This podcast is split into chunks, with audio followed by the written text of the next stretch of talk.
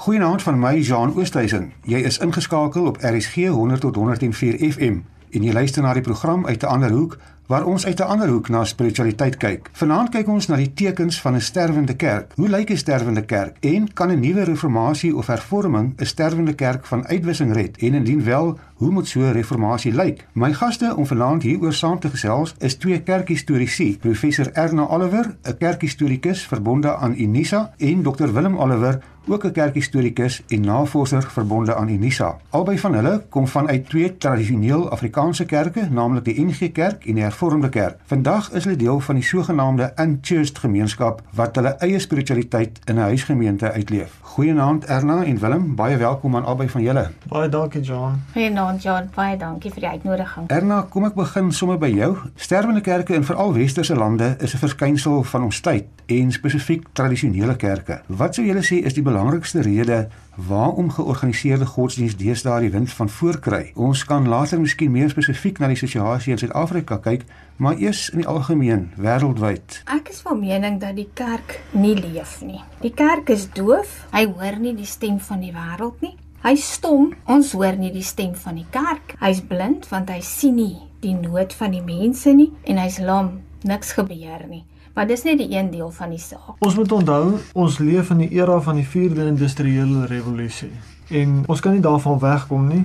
Dis 'n postmoderne tyd of 'n post-postmoderne tyd. Dis 'n postsekularistiese tyd en hierdie twee groot terme beteken maar eintlik dit is waar die mens se eie skepper word en waar die mens homself in die middelpunt van sy denke sien. Die kerk se woord is nie meer wet soos in die ou dae nie, want ons mense is baie krities. Aan die een kant krities teenoor die kerk, maar aan die ander kant akkommoderend teenoor ander kerke. En dan, ek dink 'n laaste punt wat ek net wil noem is dat ons kerke in die algemeen vermy die hele situasie van die wetenskap. As iemand met 'n prediker van die kerk praat, dan hoor jy baie gou die aarde is 6000 jaar oud. Dan sê die mense maar jy weet dit is nie so nie. En ek dink dit lei tot 'n hele klomp. Waarom dink jy is kerke so geneig om die wetenskap, ek wil amper sê te sy stap. Hulle sê hulle aanvaar die wetenskap, maar ek stem saam met jou daar word nie regtig waar in gesprek getree met dit wat die wetenskap sê nie. Ek dink die groot probleem met die saak is die wetenskap sien die hele situasie taamlik vanuit 'n nie goddelike hoek uit. As hulle sê die heelal is 13 en 'n 3 kwart miljard jaar gelede gemaak of het ontstaan, dan is God daar uit terwyl die kerk sê nee God is nie daar uit nie. Maar omdat die wetenskap nie sê God is daarin nie kom die kerk en verwerp dit terwyl ek voel die kerk moet sê weet jy 13 en 'n 3 kwart miljard jaar gelede het God die heelal geskep 4 en 'n half miljard jaar gelede het God die hemel en die aarde geskep so 180 000 jaar gelede het God die mens geskep jy weet plaas God aan die kern maar stap saam met die wetenskap en nou jy het hier in jou inleiding gepraat van dat die kerk ook doof is. Dink jy dit is dalk ook die geval met die wetenskap dat die kerk nie genoeg wil luister as wetenskaplikes praat en in 'n gesprek ja. met hulle tree nie? Ek dink so. Daar is geen gesprek nie. Dit is wat ek van mening is. Ek dink nie die kerk praat met die wetenskap nie, maar die wetenskap stel ook nie belang om met die kerk te praat nie. En dan is dit so half van nou maar goed, dan loop ek my eie pad van al twee kante af. Maar waarom kan die twee met mekaar in gesprek tree? Is die twee nie so ver verwyder van mekaar dat hulle eintlik nie met mekaar in gesprek kan tree nie? John, weet jy, dis vir my baie maklik maklik om te sê ek wil nie met die wetenskap praat nie. Maar vir my net so maklik om te sê ek wil met hulle praat. So dit is 'n geval van ek moet my oopstel en blootstel en ek moet myself eintlik kwesbaar stel in die situasie en sê luister hierso, kom ons praat. En van hulle kant af ook. Maar ek dink die punt het daarbey ingekom dat die mense het al soveel oor en weer op 'n negatiewe manier na mekaar verwys dat die kerk en die wetenskap staan op hierdie stadium. Maar laat die kerk se dogma om toe om regtig waar met die wetenskap in gesprek te tree en sy eie dogma te verander. Ja, dit is een ding waaroor ons nogal baie praat is oor die dogma wat die kerk vashou, eintlik in kettingspunt. En as ons van 'n nuwe reformatie wil praat, dan is dit een van die heilige koeie wat geslag sal moet word. En dit is die dogma of die behoudenheid daarvan die die mense wat daaraan vasklou. Moet besef, ons is nou in 'n ander wêreld en in 'n ander tyd en miskien moet ons maar aan hierdie heilige koeie begin kyk wie kon wie watter een kan geslag. Weet in Amerika byvoorbeeld behoort al hoe minder en veral jong mense aan 'n spesifieke kerkgenootskap en hulle staan bekend as die sogenaamde nuns. As daar vir hulle gevra word wat is julle kerkverband, dan sê hulle non-religious. Volgens die Pew navorsing is dit op die oomblik die grootste geloofskategorie in Amerika en veral jonger mense wat kerk losraak. So die kerk raak ook eintlik al hoe ouer wat lidmate betref nie waar nie, na mate jong mense die kerk verlaat. Ons moet onthou die jong mense is deel van die tyd. Hulle is kinders van die tyd. Hulle staan krities teenoor die ou mense se goed wat vir hulle vreeslik heilig was. Die jong mense van vandag in hier in Suid-Afrika net so aanvaar nie gesag nie. Jy moet vir gesag verdien. In die ou jare het die kerk met gesag gepraat. Vandag praat hy sonder enige gesag want die jong mense sê die kerk verdien nie gesag nie. En dit maak dat die jong mense nie 'n inspraak van God in hulle lewe ervaar nie. En daarom begin hulle al hoe losser van die kerk te leef. Ons jong mense is deel van die 4de industriële revolusie waar tegnologie die groot rol speel. Dan stap hy in 'n kerk in en as hy gelukkig is, is daar 'n projektor wat iets teen die muur wys. Dan dink hy maar, wat kon die kerk meer gedoen het? So, hulle soek meer aksie. En dis waarom die jong mense ook baie van praise and worship hou want hulle spring die hele tyd op en af wat ek dink 'n baie gesonde ding is. Erna Willem het nou gepraat van die kerk en sy gesag en sy magsposisie. Is dit iets waaroor gelowiges moet bekommerd wees, die feit dat al hoe minder jong mense na die tradisionele kerke toe gaan of is dit maar 'n normale verloop van omstandighede na mate die samelewing miskien meer sekulariseer en mense net hulle spiritualiteit anders uitleef en die kerk sy mag verloor? Is dit noodwendig 'n slegte ding? John, ek dink ons moet bekommerd wees want dit is rooi ligte wat flikker. Maar ons moenie dink dat dit is nou die einde nie. Want weet jy, in die verlede, die lesse van die geskiedenis wys vir ons dat dit goed is wat herhaal. In Jesus se tyd was daar maar ook dieselfde tipe van goed. En voor die hervorming was daar dieselfde tipe van dinge. So al wat ons moet sien is ons moet die rooi ligte sien. En dan moet ons sê, maar dit sê mos nou vir ons, ons moet verander. So bekommerd, ja, maar nie verslaa of verneder of dis nou klaar. En dit beteken nie almal wat kerk losraak word noodwendig ongelowig nie, hoewel sommige mense ook hulle geloof verloor, maar baie mense leef net hulle spiritualiteit buitekant die kerk uit nie waar nie. Dit is waar. Ongelukkig is daar mense wat hulle geloof totaal en al verloor. Maar ek sou sê in die grootste meerderheid, dis 'n ander spiritualiteit wat geleef word, ja. Willem, jy het nou-nou verwys na baie mense, jonger mense wat na die charismatiese kerke toe gaan, dan is daar ook ander mense wat na kleiner huisgemeenskappe toe gaan, waarheen dink jy gaan die grootste gros mense wat die tradisionele kerke verlaat? Hulle gaan uit die kerk uit. En as ek sê uit die kerk uit, bedoel ek hulle raak kerk los.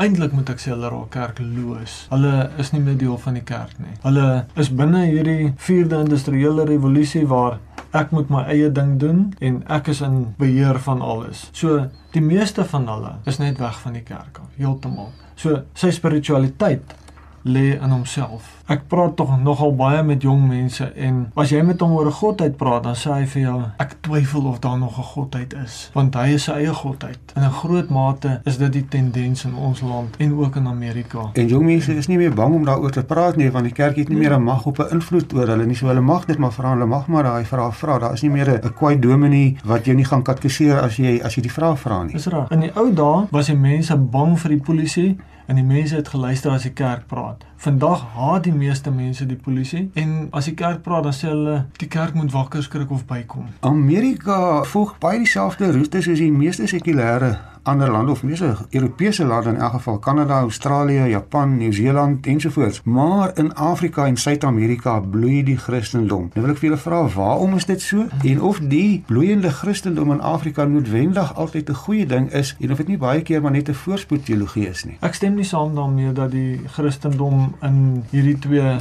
dele van die wêreld regtig bloei nie. Dit is 'n soort Christendom, maar as 'n mens dit gaan bekyk dan kom jy agter dis so 'n sinkretisme. Vanaand in Afrika kry ons op hierdie stadium met die AICs, die African Indigenous Churches, kry jy dat hulle aanvaar vir Jesus. Ja, Jesus is deel. Jesus is hulle voorgestel, maar Jesus is eintlik nou maar deel van die voorvaders en hulle kultuur en tradisie staan bo in die Bybel. En daar's mense wat saam met ons by Nisa is wat aan die AICs behoort en wat dit baie duidelik vir ons sê. Hulle maak uitsprake soos wie jy Paulus was verkeerd toe hy gesê het 'n man moet net een vrou hê. So ons trek 'n streep deur daai deel in die Bybel. En die oomblik wat jy die Bybel begin strepe deurtrek, dan sien ek 'n rooi ligte. En dan wonder ek, hoe ver is jy dan regtig kind van God? Maar val hulle nie maar net terug na die ouer dele van die Bybel waar daar ook meer is, waar 'n man ook meer as een vrou kon gehad het nie. Hulle sou vir jou sê dit was die die vroeëre dele van die Bybel en dat dinge verander het. daarmee stem ek saam. Hulle berus hulle getuienis en wat hulle sê baie op die Ou Testament. Maar daai goed is nie vir my die belangrike nie. Die kern van geloof vir my is die drie-enige God, Vader, Seun, Heilige Gees wat bo alles staan. Die drie-enige God is nie deel van 'n voorvader leer en God is is heel bo en Jesus is ons ou boet en al sulke goed nie. Ek dink dit dit dit maak 'n probleem. daarmee skiet ek nie die AIC's af nie, maar ek dink hulle het nog 'n pad om te stap. Erna, maar kan ons kan ons regtig ons is in Afrika, deel van Afrika, kan ons ons westerse godsdiens net so op Afrika toepas? Nee, beslis nie. Ek dink ons vergeet baie maklik dat die Christendom nie oorspronklik 'n westerse godsdiens was nie en ook nie net 'n gods westerse godsdiens is nie. En die bloei van die Christendom in die globale suide het dan juis ook daarmee te doen dat mense wat in hierdie dele van die wêreld bly, baie gou en baie maklik aansluitings vind by die ouer dele van die Bybel, die liberalisme, die uittogteologie en dan ook die bevryding van die kwaad en die bose wat in hulle kulture nog steeds baie sterk na vore kom en daarom vind hulle groot aanklank daarbey en dit is dan miskien ook hoekom ons die groei so in die globale suide sien. Uh voordat ons breek wil ek net gou miskien kortliks vir julle vra, daar word ook baie gepraat van die Amerikaanse herlewing of die sogenaamde emerging churches. Is dit die antwoord want dit lyk nie so as 'n mens na die sekularisasie kyk nie. In 2008 en 2012 het Phyllis Tickle twee boeke geskryf. 2008 The Great Emergence, 2012 Emergence Christianity. Waar sy dit geweldig opgehef het. En die een persoon wat voorop staan was Brian McLaren. Maar in haar tyd alreeds het die Emergence Kerk opgebreek in emergent en emerging. En kan jy op die internet gaan lees hoe Brian McLaren sê oppas vir die emergent kerke. Hulle is verkeerd. Hulle doen dinge nie reg nie. En ek het nou die dag 'n e-pos vir Brian McLaren geskryf en vir hom gesê, hoorie, ek sien niks meer na 2015 van die emerging kerke en emergent kerke. Wat gaan aan? Jy's tog 'n leier. Toe sê hy vir my nie hy het aanbeweeg. Hy's nie meer deel daarvan nie. Wat vir my sê dat dit 'n golf was wat lyk my verby is. Wil jy iets bygevoeg Erna? Dink jy daai golf is ook min of meer uitgery al? Ek dink dit is uitgery en dit gaan Suid-Afrika nie regtig beïnvloed nie. Erna, ons weet die Afrikaanse kerke se lidmaatsgetalle het ook skerp gedaal die afgelope jare en daar word baie redes voorgegee van immigrasie tot sekularisasie, daling in geboortesyfers en 'n hele string ander redes. Wat is volgens jou die belangrikste rede waarom veral die 3 tradisioneel Afrikaanse kerke se lidmate so daal? Ja, John, daar is regtig baie redes gegee. Ek het nogal gaan kyk na wat almal opskryf vir redes en dan ook verduidelik hoekom hulle sê immigrasie is 'n groot invloed en die geboortesyfer is 'n ander invloed en alles. Maar As ek dit in twee goed wil saamvat, wil ek vir jou sê in die eerste plek die tydsgees waarin ons leef en in die tweede plek dit waarna ek net nou verwys het, die lamheid van die kerk, die doof, blind, stomheid en die feit dat die kerk nie doen nie, nie werk nie, nie aktief is nie en nêrens gesien gehoor word nie. Ek dink as 'n mens daai dinge wat so gelys word bymekaar gaan sit, gaan jy by hierdie twee plekke uitkom. Willem, hoe kyk jy na die saak, die dalende lidmaatskappe in spesifiek nou die Afrikaanse drie kerke waarvan wat waarin ons groot geword het? Ek dink ons kerke is nie meer deel van die tydgees in die wêreld nie. Ek dink ons kerke het agter geraak en hulle moet bykom. Kan jy voorbeelde noem? Wat dink jy as jy sê hulle moet bykom? Wat moet 'n kerk, wat moet hulle doen? Ek het nou nog gepraat van ons kerke wat te stug is, te doods is vir ons mense. Dit die eerste punt. Die ander punt is die kerk bring goed uit die wêreld in die kerk in wat maak dat die kerk seer kry daardeur. In plaas daarvan dat die kerk die wêreld ingaan, bring hy die wêreld in die kerk in om die mense te paai en om mense te trek. Ons hoor van aborsies wat plaasvind van kerkmense en die kerk sê maar dit was goed geweest. Die land laat dit bydien toe. Ons lees van baie mense wat saam bly en die kerk laat dit toe en sê daar's geen pyn nie. En ek dink die ding wat ons kerk, vernaam die NG Kerk op hierdie stadium met 'n rooi gesig laat staan is die hele ding oor homoseksualisme. Die kerk het in ek neem aan dit was 2015 'n besluit daaroor geneem. In 2016 verander hulle die besluit En toe hulle die besluit verander het, toe daar sekere mense binne in die kerk wat teen die kerk 'n hofsaak maak by 'n wêreldse hof. En nou, 'n paar weke terug het die wêreldse hof besluit dat hierdie groep mense reg is. Maar ons leef tog in die wêreld en wat moet mense maak as 'n kerk nie sy eie reëls nakom nie, want dit is presies wat daar so gebeur het. Is heeltemal reg. In die eerste plek moes die kerk nie die wêreld in die kerk ingebring het nie, maar die kerk moes kerk vir die wêreld gewees het. Ons kan dalk op 'n ander keer daaroor praat oor homoseksualiteit, maar ek voel net die kerk het sy eie grense oortree met homoseksualiteit. Erna, ons uh, wil praat van kerk van die wêreld en hy praat van jong mense wat saamwoon, maar ons het nou net ook gesê die die jong mense verlaat die kerk op strepe. Hoe gaan die kerk gaan dit tog nie meer omgekeer kry nie? Jong mense woon eenvoudig saam vandag. 90% dink ek jong mense wat vandag trou is mense wat voor die huwelik saamgewoon het. Dis heeltemal waar. Ons kan nie die tydsgees verander waarin ons leef nie. Maar weet jy, ek wil nou weer terugkom by Jesus se optrede. Hy het ook nie die mense uit hulle omstandighede gaan haal en hulle verander en heeltemal iets anders van hulle gemaak nie. Inteendeel hy het hulle in hulle omstandighede aangespreek en gehelp en dan baie keer ook skerp aangespreek. Dit help nie die kerk is leweloos en laat hom deur die golwe van die tyd maar net heen en weer spoel nie Kom ons vat die voorbeeld van verkeer. As jy in die, in die verkeer ry hiernatoe, daar's reëls in die pad wat jy moet volg. Nou, die kerk moet ook maar sterk staan op sekere standpunte, maar dan moet hy ook kyk wat het verander in die samelewing en waarmee kan ons dan as die kerk en as gelowiges kan saamwerk en wat gaan nie aanvaar. Maar lyk my die arme kerk is so iewers tussen die duiwel en die blou see want doen hy die een ding dan verloor hy mense na die kant toe ja. en doen hy die ander ding dan verloor hy mense na daai kant toe. So hy sit amper hierso tussen twee onhoudbares. Die punt is dat as ons gaan kyk wat het Jesus gedoen? Hy het met die mense van sy tyd in die taal van sy tyd gepraat. Hy het nie met die mense van sy tyd in Latyn gaan praat of selfs in Grieks nie. Hy het met sy mense meestal in Wes-Aramees gepraat. Dit was die taal wat hulle gepraat het. Hy het met hulle gepraat in die wêreldbeskouing wat hulle gehad het. Jesus het nie vir sy mense gesê, hoorie, julle weet nog nie, julle gaan nog eendag uit van die aarde is eintlik rond. Hy het dit nie vir sy mense gesê nie. Hy het met hulle in hulle tyd gepraat, maar in hulle taal gepraat, ekskuus. Maar die punt is, hy het nie met hulle akkommoderend gepraat nie toe Jesus die Fariseërs aanvat het, hy nie vir hulle sê hoorie, eintlik is ek baie lief vir julle, maar hy het vir hulle sê hulle is wit gepleisterde grafte punt. So die punt is Jesus het met die mense reguit gepraat, maar in die taal van hulle tyd en dis wat ons kerk dalk mis. Ons wil so akkommoderend wees dat ons in plaas daarvan om vanuit die kerk uit die wêreld aan te spreek en saam met die wêreld te pad te stap, wil ons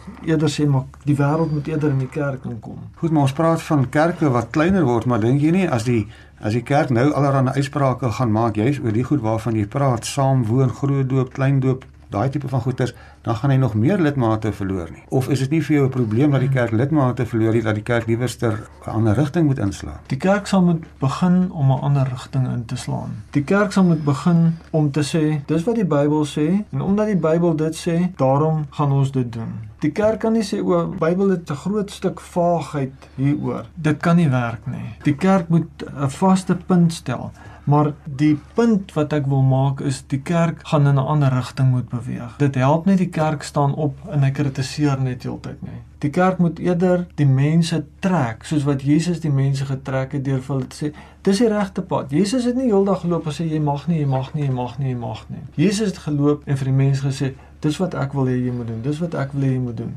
En so het die mense saam met hom begin stap. Baie het gesê ons gaan nie meer saam met jou stap nie.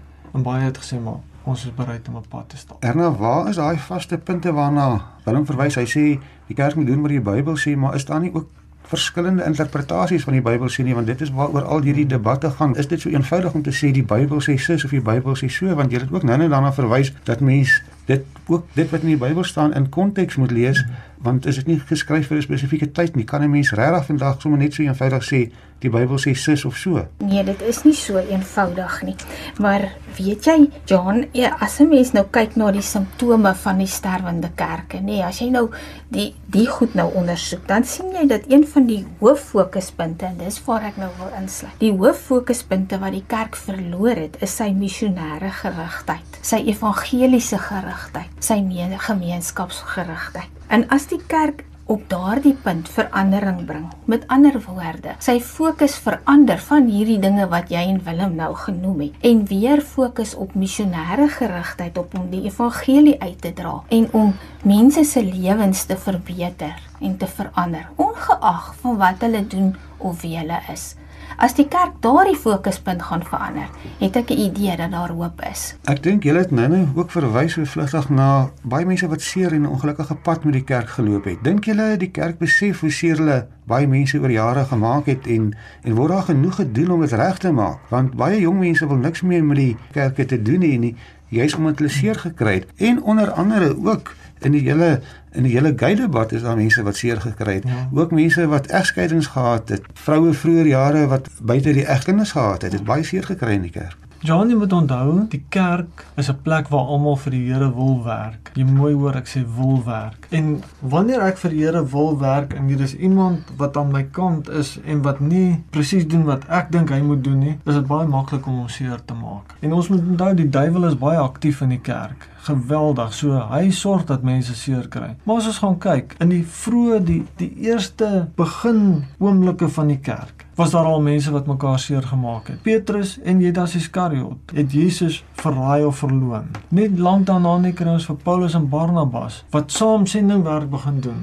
En dan skielik, dan sê Paulus vir Barnabas, As jy vir Johannes Markus wil saamvat op die volgende een, dan is ek jammer, dan gaan ons nie meer saam nie. So van daai tyd af is die seer kry nou maar al daar. En ek en Erna en jy het baie seer gekry in die kerk. Feite. Maar weet jy, as ons eerlik moet wees, dan wonder ek toe ek predikant in die kerk was en Erna, hoeveel mense het ons nie self seer gemaak ook nie. Wat jy intentioneel of onintentioneel seer maak. So die seer in die kerk kan ek nie dink sal ooit verdwyn nie. Dit sal daar wees. Dink julle die mense wat die tradisionele kerke verlaat het sal ooit ooit weer terugkeer of is hulle vir altyd weg? Ek dink nie die mense wat reeds uit die kerk uit weg is, sal terugkom na die kerk as 'n institusie nie. Hoopelik sal hulle wel terugkom of bly by God, by die Here. Maar as die kerk nie regtig gaan verander nie en ek dink miskien in ander forme gaan lees nie, die struktuur meer vloeibaar gaan maak nie, gaan hierdie mense buitekant die kerk bly. As ek nie van jou hou nie, kan jy baie dinge doen, maar ek gaan nog steeds nie van jou hou nie. So, wat gaan gebeur dat ek weer van jou hou?